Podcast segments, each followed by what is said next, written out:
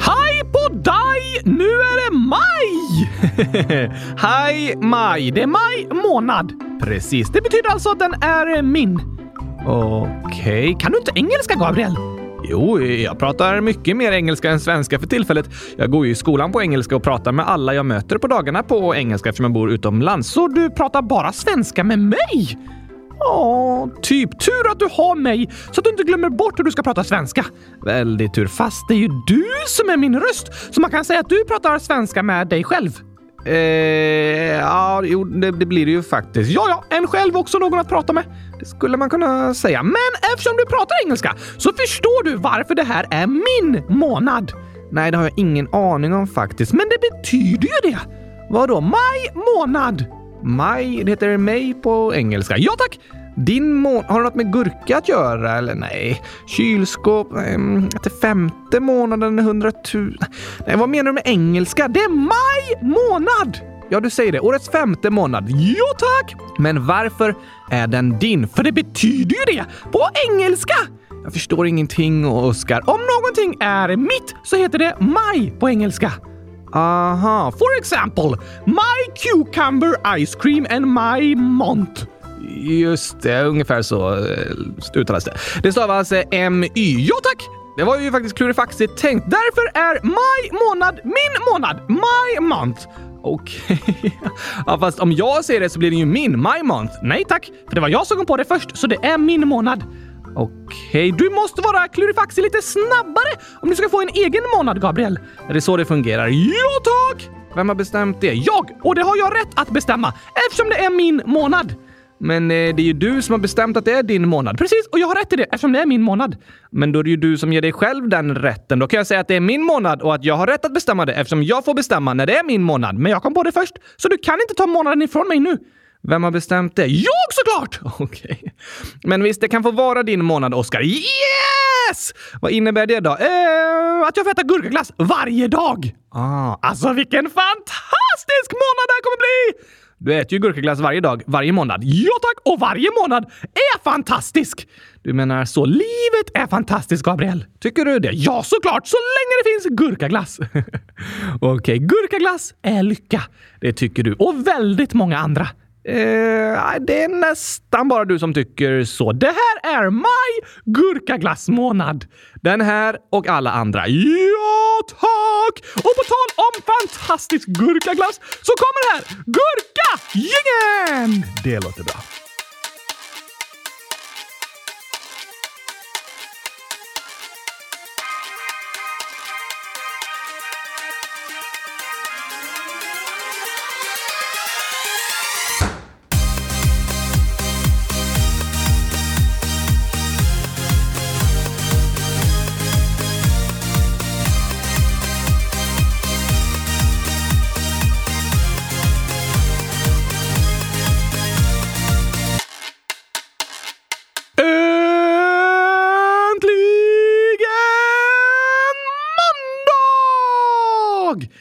Äntligen avsnitt 100 271 av Kylskåpsradion. Årets 100 000 avsnitt!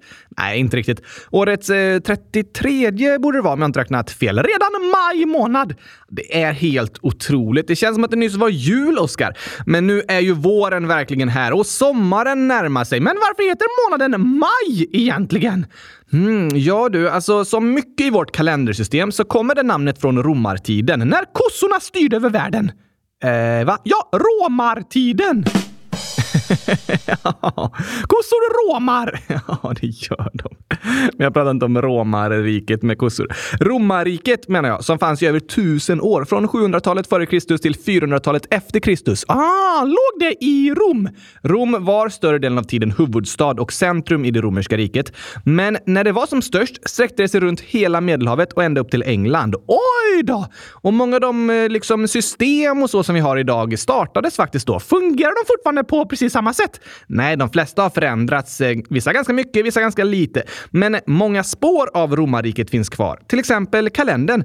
År 46 f.Kr. så började romarna dela in året efter den julianska kalendern som var uppkallad efter Julius Caesar. Han känner jag igen! Ja, han är ganska känd. Enligt den så hade året 365 dagar och var fjärde år var det skottår. Så är det fortfarande! Precis.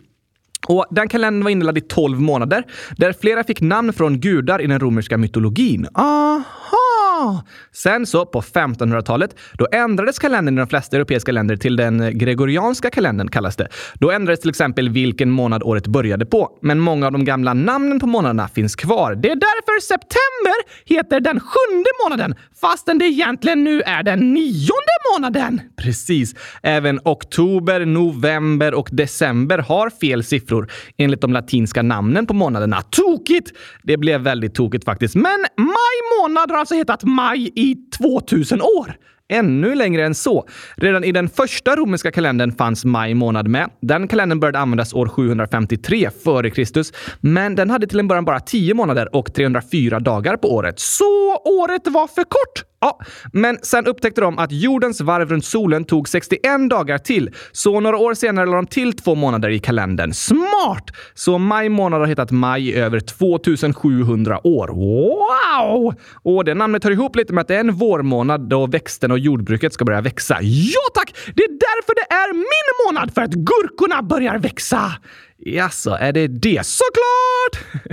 Hade jag kunnat gissa. Så du vill inte ändra namn på maj månad, eller? Jo tack, till svenska. Den får heta min månad. Ah, snart har jag hittat på nya namn på alla månader, Gabriel. Då kan jag lansera min egen kalender. Oj då, vi går från den julianska till den gregorianska kalendern och nu vidare till den gurkianska kalendern. Snyggt namn. Den innehåller 100 000 dagar. Alltså, alltså på ett år. Ja tack!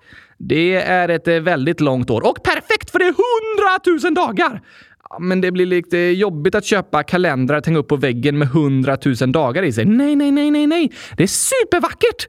Lite krångligt att hålla koll på vilket år det är också när åren är så långa. Ingen människa blir ens hundratusen dagar gammal. En person som blir hundra år blir ju 36 500 dagar gammal. Det är bara en tredjedels år enligt din kalender. Yes, inga 40-årskriser där inte! Alla är bebisar hela livet.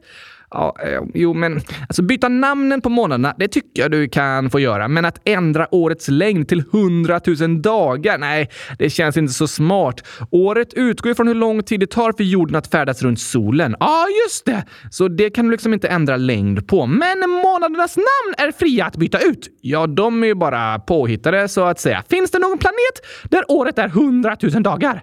Mm, nej, men eh, desto längre ifrån solen, desto längre är året på de olika planeterna. För det tar längre tid att färdas runt solen. Precis.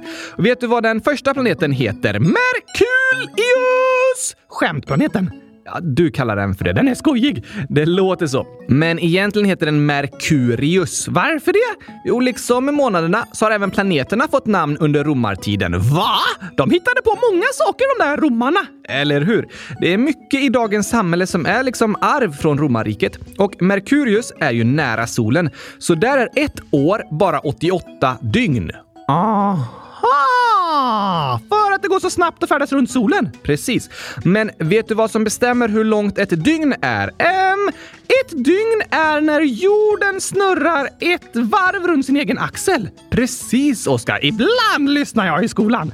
Det gör du. Men när jorden snurrar runt så är det ju olika delar av jorden som är riktade mot solen. Den del som är riktad mot solen har dag och den andra delen har natt. Just det. Och det är därför det är natt i Sverige när det är dag på andra sidan jordklotet. Och planeten Merkurius, den snurrar väldigt långsamt runt sin egen axel. Så ett dygn på Merkurius är väldigt långt. Hur långt? Ett dygn på Merkurius motsvarar 176 dygn på jorden. What? Så året på Merkurius är 88 jorddagar, men en dag är 176 jorddagar. Det skulle man kunna säga, ja. Så en dag där är dubbelt så lång som ett år. Ja, det blir det ju faktiskt. Det där ska jag använda i min kalender. Eh, Okej, okay. i gurkianska kalendern så innehåller veckan sju dagar. Som en vanlig vecka. Inte riktigt. För de fem arbetsdagarna, de man går i skolan, de är jordens dagar. Ja, men helgen, det är två Merkuriusdagar. Ah, så du är i skolan fem jorddagar, sen är du ledig två Merkuriusdagar. Alltså är helgen 352 jorddagar lång. Ja tack, det låter perfekt tycker jag. Men då tar det väldigt lång tid att lära sig saker i skolan, Oskar. Om du bara går i skolan fem dagar och sen är ledig 352 dagar. Fast jag är ju bara ledig två dagar! Ja, men två Merkuriusdagar. Precis! Det motsvarar ju 352 dagar på jorden. Jag tycker det låter som en alldeles lagom lång helg. Okej, mm, ja, det låter li lite skönt håller jag med om också. Det är väldigt smart det där med Merkuriusdagar, Gabriel. Det kan vara användbart. Hur tänker du då? Om du till exempel lämnar in en skoluppgift för sent så kan du säga till läraren “Men du sa ju att vi hade fem dagar på oss. Jag trodde du menade Merkuriusdagar.” Ja, det var ett bra argument. Eller om du lånar en bok på biblioteket och de säger “Du måste lämna tillbaka den inom 14 dagar.” Så kan du fråga “Menar du Merkuriusdagar eller?” Klurifaxigt, Oskar. Och du köper ett åkkort på Liseberg som gäller i en dag så kan du säga att det gäller i en Merkuriusdag. Just det. Då är ett dagspass lika med 176 dagar. Smart tänkt, Oskar. Jag förstår varför planeten heter Merkurius. Den är verkligen supertokig! För oss på jorden blir det lite tokigt när en dag är dubbelt så lång som ett år. Hur gammal är jag på Merkurius? Oj, en bra fråga. Du blir ju 3753 dagar idag om vi räknar din eh, faktiska ålder, att du föddes den 22 januari 2012. Så på Merkurius hade du varit eh, 42,5 år. Wow! Men bara 21 dagar gammal.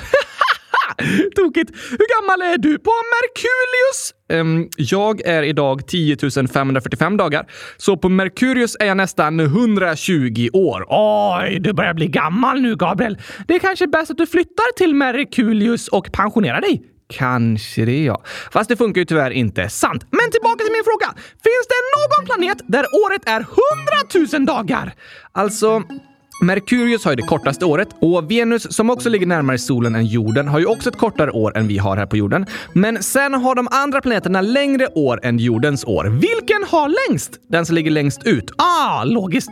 Vet du vad den planeten heter? Mm, nu ska vi se. Vi börjar inifrån. Vi har eh, Merkurius, Venus, Venus, jorden, eh, gurkaglass, Mars. Vi kan inte ha en planet som är namngiven efter choklad, Gabriel. Jag tror det är tvärtom. Chokladen som är namngiven efter planeten. Aha, men jag kallar den hellre för gurkaglass. Okej, sen kommer Jupiter, sen Saturnus, sen är vi Uranus och den sista... Hmm, kommer du inte ihåg vad den heter? Neptunus. Heter den Tunus? Nej, Neptunus. Varför sa du då Tunus? För du sa Nepp. Jag tror du sa första stavelsen i namnet. Nej, jag sa Nepp för att jag inte visste vad den hette. Ah, jag fattar. Hur långt är ett år på Tunus? Neptunus, inte Tunus. Jo, Tunus. Jo, Tunus. Heter den det? Nej, den heter Neptunus. Inte Tunus. Nep. Den heter Neptunus. Ah, hur långt är ett år på Neptunus? Väldigt långt. För planeten Neptunus tar det 165 jordår för att färdas ett varv runt solen. Oj då! Alltså över 60 000 dagar. Den närmar sig 100 000! Ja, men tidigare fanns det ju en planet utanför Neptunus. Finns den inte kvar längre? Jo, men det har ändrats till att den nu kallas för en dvärgplanet. Just det! Pluto! Helt riktigt, Oskar. Plutos omloppsbana är dock inte helt eh, rund så att säga, så ibland är Pluto faktiskt närmare solen än Neptunus. Men det tar ändå längre tid för Pluto att färdas runt solen, nämligen 248 år. Hur många dagar är det? Nästan 90 600 jorddagar. Oj, oj, oj, oj, oj, oj, oj! Nu är vi nära 100 000 dagar! Ja, på Pluto är ett år nästan 100 000 dagar långt. Inte Merkuriusdagar. Nej, jorddagar. Men vet du, det finns eh, fler så kallade dvärgplaneter i vårt solsystem, bland annat en som heter Haumea och dess omloppsbana runt solen är 283,3 år. Hur många dagar? 103 470 dagar. Det är ju nästan exakt 100 000 dagar! Ja, eller hur? Vi flyttar dit, Gabriel! Nej, det går inte. Men jag vill bo på en planet där ett år är 100 000 dagar långt kan jag tänka mig. Det låter som en fantastisk plats! Perfekt för min gurkianska kalender! Ja, den hade faktiskt passat där. Är det svårt att bygga en rymdraket? Det är väldigt svårt, men eh, vi kan ta bilen. Hur lång tid skulle det ta? Det går inte att köra bil dit, Oskar. Nej, äh, okej. Okay. Men om vi bygger ett stort hopp och så tar vi riktigt mycket fart? Det funkar inte heller. Nej, inte i praktiken. Men i teorin, hur lång tid skulle det ta att köra till Hamuea? Eh, jag tror den uttalas ungefär så. Hamuea. Och det beror på hur långt bort Haumea ligger från jorden förändras hela tiden. Men för tillfället är det 7 miljarder 374 miljoner 653 890 kilometer dit. Är det långt? Otroligt långt. Om du kör i 100 kilometer i timmen skulle det ta 8418 år att köra dit. Ja, det hinner vi inte riktigt med den här veckan. Kanske under sommarlovet? Nej, det går inte, Oskar. Hur lång tid tar det att köra till solen då? Om du hade kunnat köra rakt genom rymden och kört i 100 km i timmen så hade det tagit 170 år att nå solen. Ah, det hinner vi nästan på sommarlovet om vi kör riktigt fort. Nej, inte en chans. Jo, om vi räknar Merkuriusdagar. Ah, ja, då har vi lite mer tid i alla fall. Rymden är verkligen stor och häftig. Det håller jag med om. Det blev lite rymdspecial i dagens avsnitt. Ja, tack! Vi har ju haft ett helt avsnitt om rymden, nämligen avsnitt 100 094. Precis, det var spännande. Det tycker jag också. Och det är flera lyssnare som har berättat om att det är deras favoritavsnitt. Och nu har jag även fått lära mig att på Merkurius är dagen dubbelt så lång som året och på Haumea är ett år ungefär 100 000 jorddagar långt. Häftigt. Först ska vi flytta till Mongoliet, Gabriel. Sen flyttar vi till Haumea. Det låter som en bra plan. Sen till kylskåpsplaneten. Mm, ja, Okej. Okay. Men du, Oskar, vi har ju en omröstning om historiska personer här i kylskåpsradion. Ja tack! Efter historiekalendern! Precis. På vår hemsida www.kylskåpsradion.se ligger omröstningar ute om länder, djur och historiska personer som är de olika teman vi har haft våra julkalendrar. Nästa år ska vi ha en kylskåpskalender där vi pratar om olika kylskåpsmodeller. Nej, det tror jag inte. Jo tack, det är superspännande! Så får lyssnarna skicka in förslag och rösta på sina favoritkylskåpsmodeller. Jag vet inte om lyssnarna känner till så många olika slags kylskåp. Va? Nej, men... Um... Vilket tema ska vi ha i år då? Kylskåpsmodeller sa jag ju. Nej, du sa nästa år. Just det! Nästa julkalender kommer ju i år. Sant! Eftersom vi har flyttat till Haumea och året är 100 000 dagar långt. Ja, där också. Men även på jorden är nästa julkalender i år, år 2022. Alltså, det måste vara tråkigt att bo på Haumea. Varför det? Jag trodde du ville flytta dit. Ja, men sen insåg jag att där är det jättelångt mellan varje gång du fyller år. Det har du rätt i. Du måste vänta över 100 000 dagar på varje kalas. Inte så kul. Och 283 år från en julafton till nästa. Mm, ja, det, det, blir ju lite annorlunda. Det är kanske bättre att vi flyttar till eh, Merkulius. Där är året kort, men dagarna är långa. Då är det bara 88 dagar mellan varje födelsedag och helgen är 352 jorddagar lång! Ja, det har du rätt i. Men om vi spelar in podden på måndag och torsdag på Merkurius, då är det ju 528 jorddagar mellan avsnitten. Mm. Ett och ett halvt jordår mellan eh, torsdags och måndagsavsnitten. Det är alldeles för länge! Det kanske är bättre att vi bor kvar på jorden. Mm, ja, jo, det är det nog. Fast det är ju häftigt att året är 100 000 dagar på Haumea. Men det växer inga gurkor där. Vi stannar på jorden! Här ska det inte flyttas utom planet. Utom planet? Ja, vi flyttar inte utomlands, utan till en annan planet. Utom planet!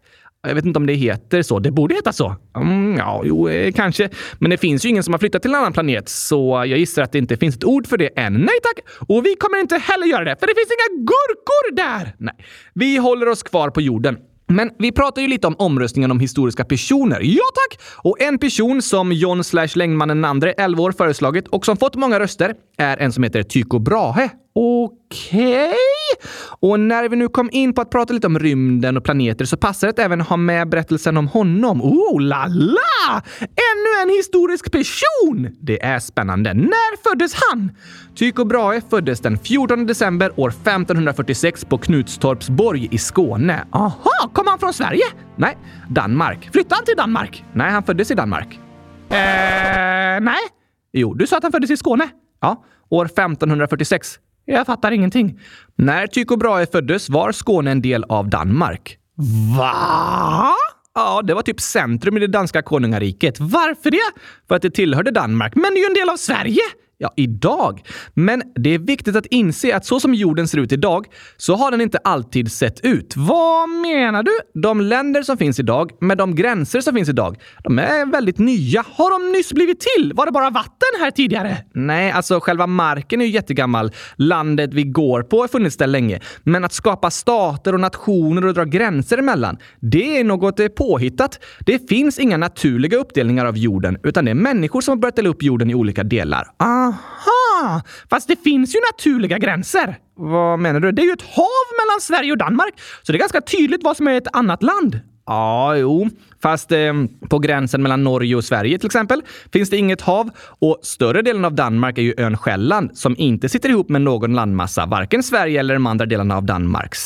Sant! Och Grönland är ju en del av Danmark fast den ligger långt bort över havet. Ah! Och om du kollar på gränser mellan länder i Europa så finns det sällan något särskilt som bestämmer var ett land börjar och ett annat slutar. Det kan vara en gräns som är dragen mitt genom en skog eller ibland är det en flod som markerar en gräns där man säger att ni på den sidan har ett eget land och vi på den här sidan har vårt eget land. Så länder är påhittade. Ja, det är de. Och att dela upp människor i olika nationaliteter är också något påhittat. Det finns ingen skillnad på oss människor när vi föds. Men om en person föds på ett visst ställe kallas den för norsk för att den föds i Norge och på ett annat ställe kallas den för svensk för att det ligger i Sverige. Fast den personerna kanske bara bor hundra meter ifrån varandra. Precis, så kan det vara. Så länder skapar en uppdelning mellan människor. Mm, ja, det gör de faktiskt. Personer som bor 100 meter från varandra kan få två olika nationaliteter på grund av att deras hus ligger på två olika sidor av en landgräns. Och de kanske börjar prata olika språk, gå i olika skolor, börjar lära sig olika saker till olika slags kulturer, äta olika slags mat och så vidare. Fastän de bara bor 100 meter ifrån varandra. Ja, men alltså gränsen mellan Sverige och Norge är ju öppen, så de områdena som ligger nära den gränsen har liksom vuxit lite ihop med varandra. Personer som föds på olika delar av gränsen får olika nationaliteter, men de kanske jobbar i ena landet och handlar mat i det andra landet och så vidare. Går det? Ja, det är fritt att resa mellan Sverige och Norge och Danmark och Finland och sådär, förutom under coronapandemin när det fanns vissa gränsrestriktioner. Ah, så här i Skandinavien märks det inte supertydligt om man föds på ena eller andra sidan gränsen. Man får olika nationaliteter men växer ändå upp på ganska liknande sätt. Men det finns andra länder där gränsen till exempel är markerad med en mur eller höga staket. Va? Ja, en väldigt omdiskuterad gräns är till exempel mellan Mexiko och USA. Ja, just det! Där finns det städer som ligger på båda sidor av gränsen med en stor mur eller högt staket emellan som kontrolleras av vakter. Oj då! Längst ut på västkusten till exempel ligger den stora staden San Diego i USA och den sitter liksom ihop med staden Tijuana i Mexiko. Fast mitt emellan dem går den en mur som stoppar människor från att resa från den ena delen av staden till den andra. Går det inte att ta sig över? Det finns gränskontroller där det är jättemånga som passerar varje dag. Det är vanligt även där att bo i ett land och jobba i ett annat. Men det är också många som blir stoppade från att ta sig över mellan länderna. Och där skulle två personer kunna födas så nära som 100 meter från varandra, men börja prata helt olika språk, ta del av olika kulturer, system och så vidare. Och även i Europa har vi en lång historia med murar och gränser. Kändast av dem alla är ju Berlinmuren, som var en symbol för uppdelningen mellan Öst och Västeuropa. Just det! Den togs ju ner år 1989 och idag är Tyskland ett enat land igen. Var det uppdelat innan dess? Ja, så de gränser som finns i Tyskland idag har bara varit på det sättet i lite mer än 30 år. Det är inte länge! Nej. Och i Östeuropa har också gränser flyttats mycket under de senaste 30 åren. Särskilt i samband med kriget i det som som var Jugoslavien på 90-talet. Men som idag är länderna Bosnien och Hercegovina, Kroatien, Nordmakedonien, Montenegro, Serbien och Slovenien. Och det är fortfarande omstritt om Kosovo ska vara ett eget självständigt land eller inte. Det är ungefär hälften av FNs medlemsländer som har erkänt Kosovo som ett eget land. Aha! Så gränser är något påhittat som det strids mycket om? Precis så är det, Oskar.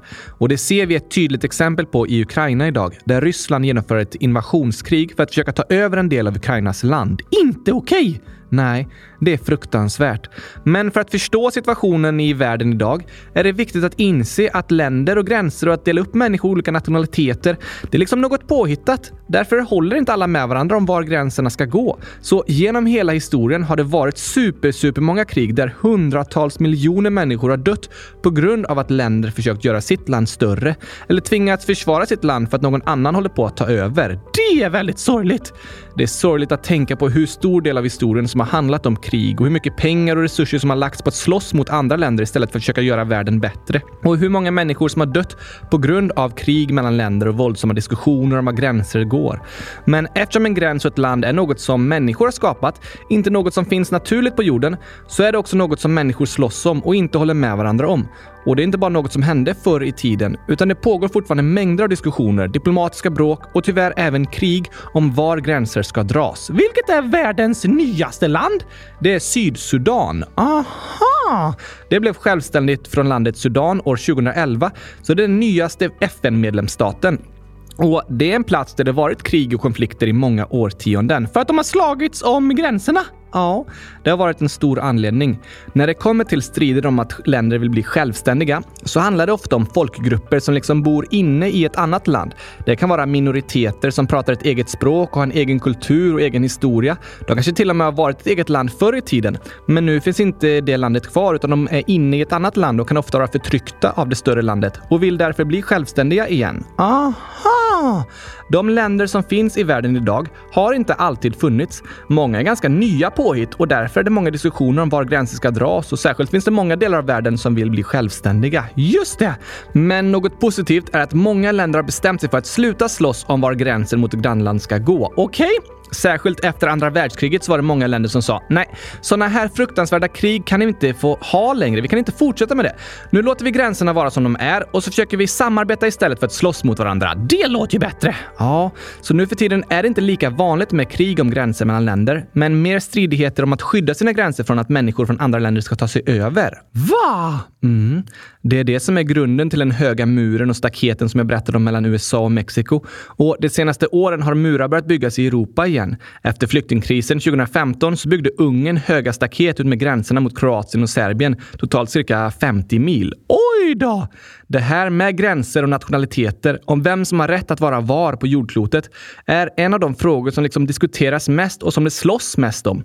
Idag och genom historien. Och för att liksom förstå många av de problem som finns i världen så är det viktigt att förstå att länder är något som vi människor har hittat på och de flesta länder är väldigt nya.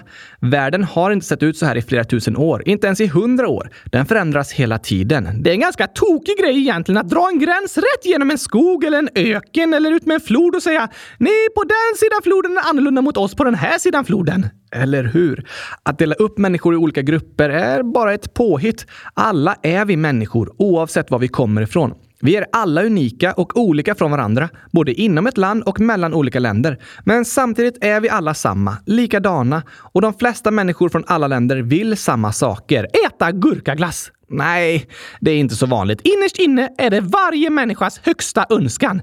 Kanske varje dockas högsta önskan. Okej, okay, det är sant. Men vad tror du alla människor längtar efter då? Jag tror att alla vill känna sig trygga där de bor, vill känna sig älskade och accepterade och kunna känna hopp och tro på framtiden. Alla människor vill känna att de har möjlighet att påverka sina liv. Det tror jag också.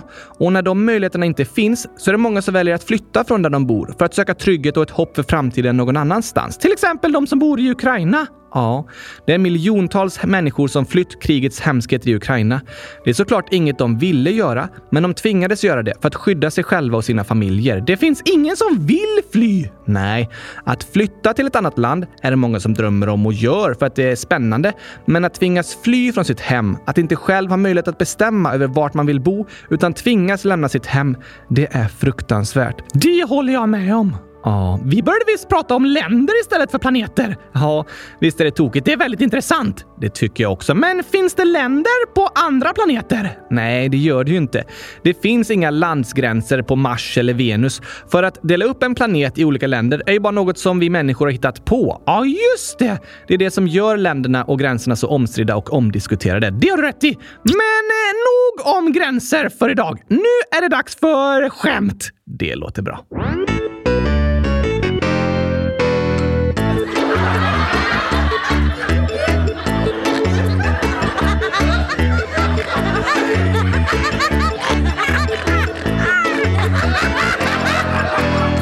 Vi drog lite nya kattskämt förra veckan, Oskar. ja, tack! Och här har vi ännu fler förslag från lyssnarna. Oj, oj, oj! Fortsätt skriva förslag på kattskämt! Gör gärna det. Och det är då liksom katt åt, mm, blev, mm, och så är det en tokig kombination. Precis! Första här är från Lukas, 8 år. Katt åt basketboll, blev uppkastad. Den var bra! Ja, det håller jag verkligen med om. Den blev uppkastad som en basketboll. Precis. Och nästa är från Malte plus gurka lika med Garta. 99 999 plus ett år. Det blir alltså... Åh, oh, det blir två år! Men det blir ju hundra... Hundratusen! Precis.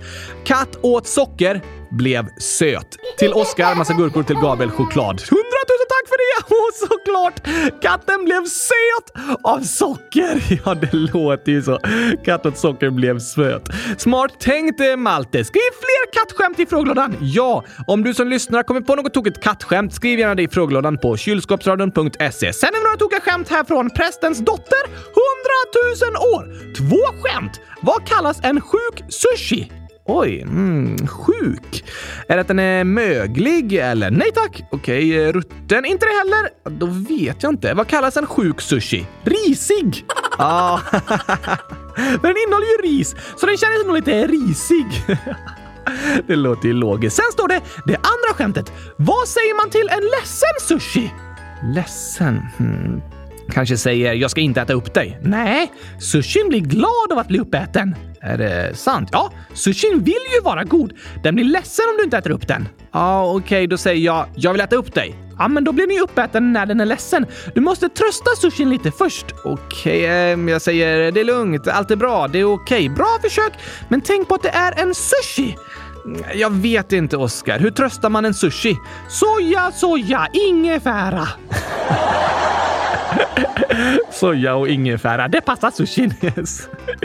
Soja, soja, ingen fara. Soja, soja, ingefära. Ah, det var bra prästens dotter. Eller hur? Och så här fortsätter meddelandet. PS. Oskar kan inte starta avsnitten själv för Gabriel är ju Oskars röst. Tack och hej chokladpastej! Eh, va? Oj! Det där borde jag inte ha läst. Vad menar prästens dotter här? Ingen aning! För som det står kan ju inte jag börja avsnitten utan dig. Eh, nej, så jag skulle aldrig börja ett avsnitt utan dig, Gabriel. För det går ju inte. Precis! Blink! Va? Jag sa inget. Nej, men du blinka. Nej, jag kan inte blinka. Jag har inga ögonlock. Just det, men du blinkade ändå. Du menar att jag gjorde något som jag inte kan göra? Ja, det gör jag ju ibland när jag startar avsnitten utan dig. Va? Jag sa inget. Jo, du sa att du startar avsnitten utan mig. Nej, det går ju inte. Du är min röst. Precis, så det har vi klargjort nu. Vi börjar alltid alla avsnitt tillsammans. Helt rätt. Så jag vet inte riktigt vad du menade med inlägget prästens dotter. Inte jag heller. Blink! Nu blinkade jag inte igen. Nej, precis. Nej, jag har aldrig startat avsnitt utan dig. Och jag kommer aldrig starta avsnitt utan dig. Det är lika säkert som att eh, choklad är äckligt. Jag och de flesta andra människor tycker inte att choklad är äckligt. Nej, precis. Blink! Eh, jag förstår ingenting här. Då går vi vidare. Kanske till en eh, sång? Ja, men eh, det passar bra. Innan pratade vi om länder och krig och diskussioner och även att fly till andra platser. Just det, det finns vissa människor som drömmer att det inte ska finnas några länder alls. Ja, det gör det. Tror du att hela jorden skulle kunna vara ett stort land?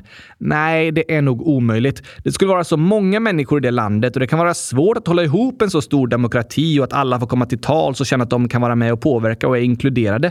Det är en stor chans att vissa delar av världen skulle bli mer exkluderade och förtryckta. Men eh, det händer ju även när det finns länder. Ja, absolut. Har du rätt i, Oskar.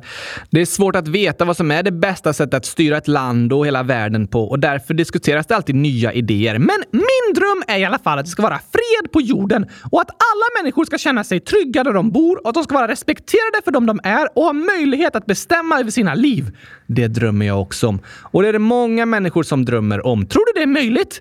Mm, det, det, är svårt, men jag vill tro att det är möjligt. Vi måste liksom tro att det är möjligt, för jag tycker inte vi kan ge upp och acceptera att krig pågår och att människor lever under stor utsatthet och förtryck där de bor. Det ska inte få vara så att vissa människor tvingas på flykt på grund av att de inte är trygga där de bor. Nej tack. Det är bättre att samarbeta med varandra än att slåss mot varandra. Det håller jag med om. Och det har faktiskt varit en av nycklarna till mer fred på jorden. Om du och jag samarbetar så drabbar det ju mig om jag börjar kriga med dig. Istället tjänar vi båda på att ha fred med varandra. Det är roligare att vara kompisar än ovänner. Såklart. Men eh, det är lite svårt att vara kompis med alla på hela jorden. Det går ju inte. Men jag tror ändå att det hjälper att vi intresserar oss för hur människor har det på andra platser på jorden. Att vi lär känna människor och bygger relationer över landsgränser. Att lyssna och bry sig är ett sätt att visa kärlek och respekt. Ja, det är det. Det pratar vi ofta om när det kommer till att vara vänner i skolan och sådär. Men även när det handlar om saker som händer på andra platser i världen. På människor som lever i ett annat land och kanske drabbas av naturkatastrofer eller krig, då är det också ett sätt att visa kärlek och respekt, att lyssna på dem och bry sig om det de är med om. Det är svårt för oss var och en att lösa alla världens krig och problem, men det första steget är faktiskt att lyssna och bry sig. Det är svårt att hjälpa någon som man inte hört talas om. Det har du rätt i. Så när vi intresserar oss för det som händer i världen, när vi lyssnar och bryr oss, då leder det ofta till att vi hittar olika sätt att hjälpa till. Ja, tack! Och vi har ett lyssnarinlägg som handlar om ungefär det här. Ginny, 8, snart 9 år, skriver “Jag tycker tycker det är spännande att höra vad som händer i Ukraina. Är något fel på mig?” Ah, jag förstår vad du menar Ginny. Ja, det gör jag också. Och nej, det är inget fel på dig. Nej tack! Jag är säker på att du inte vill att det ska vara ett krig i Ukraina, Ginny. Såklart inte! Men tyvärr är det så att det pågår konflikter och hemska saker i världen. Och det kan vara intressant att lära sig om. Det tycker jag också. Jag studerar till och med sånt på universitetet och det är viktigt att det finns människor som tycker det är intressant, som studerar hur krig och konflikter fungerar och varför de finns till. För de måste studeras för att kunna lösas. Precis, Oskar. Så jag tycker inte det är fel att du är intresserad av vad som händer i världen, Ginny. Jag vill snarare uppmuntra dig att fortsätta lära dig om olika länder och internationella relationer. Det är något viktigt och kanske är det ett intresse som du kommer fortsätta ha under hela livet. Du kanske till och med kommer jobba på någon internationell organisation eller för regeringen med frågor som handlar om krig och fred i framtiden. Ditt intresse för världen kan leda dig till att få vara med och göra världen till en bättre plats. Lycka till med det! Det säger vi till dig Ginny och till alla andra lyssnare som också är superintresserade av vad som händer i världen och hela tiden vill lära sig mer. Gör det! Lär er om vad som händer och lyssna på människor från andra platser på jorden. Och ställ frågor om allt ni undrar över. Ställ frågor till era föräldrar och till era lärare. Det är spännande! Jag håller med. Men Sen är det så att när det rapporteras från ett krig, som i Ukraina eller i Afghanistan, Jemen eller Kongo, så är det lätt att allt bara blir siffror. Att en människa blir en siffra på ett papper istället för en person. Ja, och det kan vara lite farligt tycker jag. I krig kan personer avhumaniseras. De ses som siffror på ett papper istället för otroligt värdefulla människor. Och att avhumanisera sina fiender är ofta grunden till ett krig och även grunden till rasism och andra former av förtryck. Att dela upp människor i vi och dem och se dem som onda fiender istället för medmänniskor som är som dig och mig. Just det! Så det kan vi bära med oss när vi hör om krig och konflikter. Att varje människa är en medmänniska som har ett hem och en familj och vill leva sitt liv i trygghet. Precis som du vill. Ja, tack! Och efter att ha pratat om det här tycker jag det passar att bra med sången I drömmar kan alla flyga. Det håller jag med om, Oscar. Så drömmer vi tillsammans om en bättre värld för alla människor. Fin dröm. Jag tror vi kan.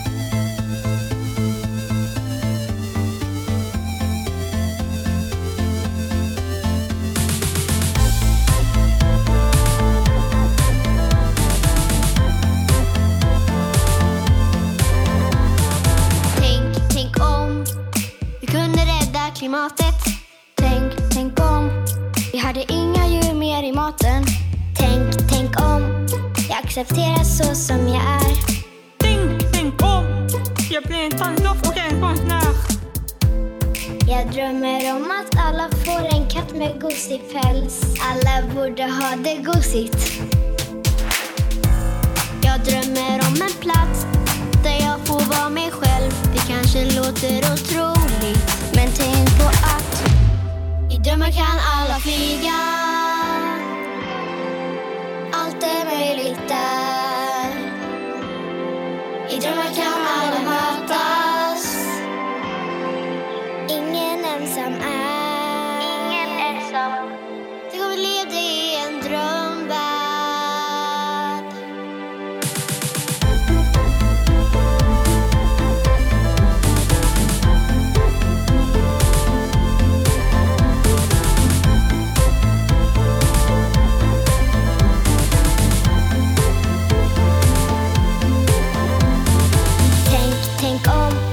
Skriva böcker människor vill läsa. Tänk, tänk om vi hittar nya sätt att kunna resa. Tänk, tänk om jag blir polis som får hjälpa andra. Tänk, tänk om ingen längre från krig behöver vandra. Jag drömmer om att bli en ambulansförare och om att få bada. Jag drömmer om att alla ska få ha en lärare och människor ska vara smarta. I drömmar kan alla flyga.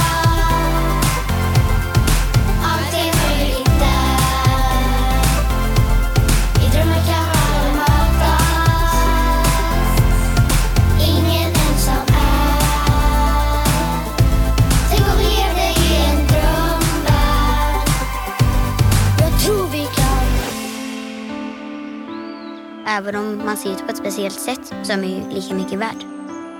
Det är trappor ner till gympasalen. Det tycker jag är lite dåligt. Ja, jag är vegetarian. För att jag tycker synd om djuren. Det är som att de inte har tänkt på så här, ja men här börjar vi med rullstol liksom. Jag älskar att dansa. Man får röra på sig och man släpper tankarna och ja, allt. Man får inte sig lika mycket lön som killar. Om man inte tänker på klimatet så tänker man inte på oss själva. För det är ju farligt för oss också. Och alla är ju ändå innerst inne ganska lika. Två dagar i veckan borde vi typ äta lite mer grönsaker istället för kött. Det är jättemycket krig och så just där de bor. Så kanske de kommer till exempel till Sverige och så säger de att de inte kan komma in i landet när det är barnets bästa. Lagar är liksom till för att följas, men eh, det blir inte alls så. I drömmar kan alla flyga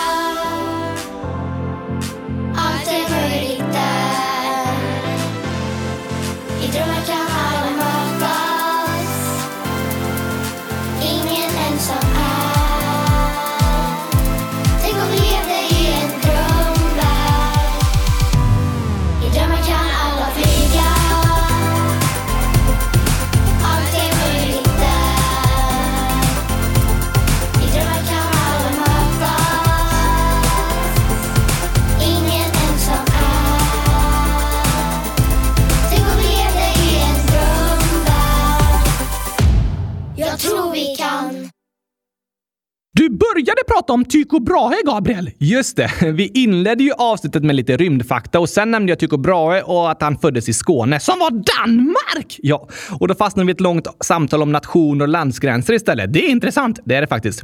Idag känns det svårt att tänka sig att Skåne skulle vara en del av Danmark, men det är en del som har tillhört olika länder under olika delar av historien. För så som länder ser ut idag så har de inte alltid sett ut. Nej tack! Skåne var danskt fram tills freden i Roskilde år 1658. Då blev det en del av Sverige. Aha! huh. Men månaderna, de har vi kvar sedan eh, romarriket. Det har du rätt i, Oskar. Världen har förändrats otroligt mycket och nya länder har skapats och försvunnit under de tusentals år som har gått sedan romarnas tid. Men namnen på månaderna och planeterna, de är fortfarande de samma i stora delar av världen. Skönt med lite stabilitet i alla fall. Eller hur? Men vad är Tycho Brahe känd för då? Jo, lite kortfattat kan vi säga att han blev en känd astronom och astrolog. Studerade han stjärnor och planeter? Bland annat ja. Hans föräldrar ville egentligen inte att han skulle studera det, men redan som barn och tonåring var han superintresserad av att studera stjärnorna. Så han pluggade juridik på dagarna och så kollade han på stjärnhimlen på kvällarna. Aha! Det går att lära sig mycket om man är intresserad av något redan som barn och tonåring. Verkligen. Tycho Brahe var bara 13 år när han började sitt stora intresse för stjärnhimlen och när han var 16 år började han utveckla nya mätinstrument. Och till slut så började hans familj stötta hans intresse och studerandet av stjärnhimlen gick från att vara en hobby till att bli hans jobb. Ah, äntligen! Det kände nog Tycho Brahe och något som han är särskilt känd för är att han är en av ytterst få som har upptäckt en supernova i Vintergatan. Eh, va? Vintergatan är vår galax med solen och planeterna. Ja, och massor och massor av stjärnor. Ah, vad är en supernova då? Det är en exploderad stjärna. What? Det är en av de våldsammaste händelserna som sker i universum. Det låter coolt och lite läskigt. Alla stjärnor ligger ju väldigt, väldigt långt bort från jorden, så det är mest coolt tycker jag. Väldigt coolt namn i alla fall! Supernova! Eller hur? Det är så mycket kraft i en exploderande stjärna att de under en tid kan börja lysa 100 miljarder gånger starkare än vår sol. Nej! Så supernovor lyser otroligt, otroligt starkt. Det behövs dubbla lager av solkräm om man stöter på en sån. Kanske det. Eller 100 miljarder lager av solkräm.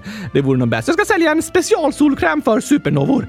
Ja, eh, alltså det är ju ingen på jorden som riktigt påverkas av den. Nej, just det, för att de är så långt bort. Ja, det är tur. Det är faktiskt tur. Men supernovorna är ovanliga. Det beräknas att det från jorden går att se ungefär tre supernovor per tusen år. Oj då! Så det var en stor upptäckt av Tycho Brahe? Ja, verkligen. Något annat som också var speciellt för hans upptäckter var att hans beräkningar och mätningar visade det som alla tidigare trott, att jorden var universums centrum. Det kunde inte stämma. Vad menar du? Förr i tiden visste de inte att jorden snurrade runt solen, utan de trodde att solen, planeterna, månen och alla stjärnor liksom snurrade runt jorden. Aha! Aha!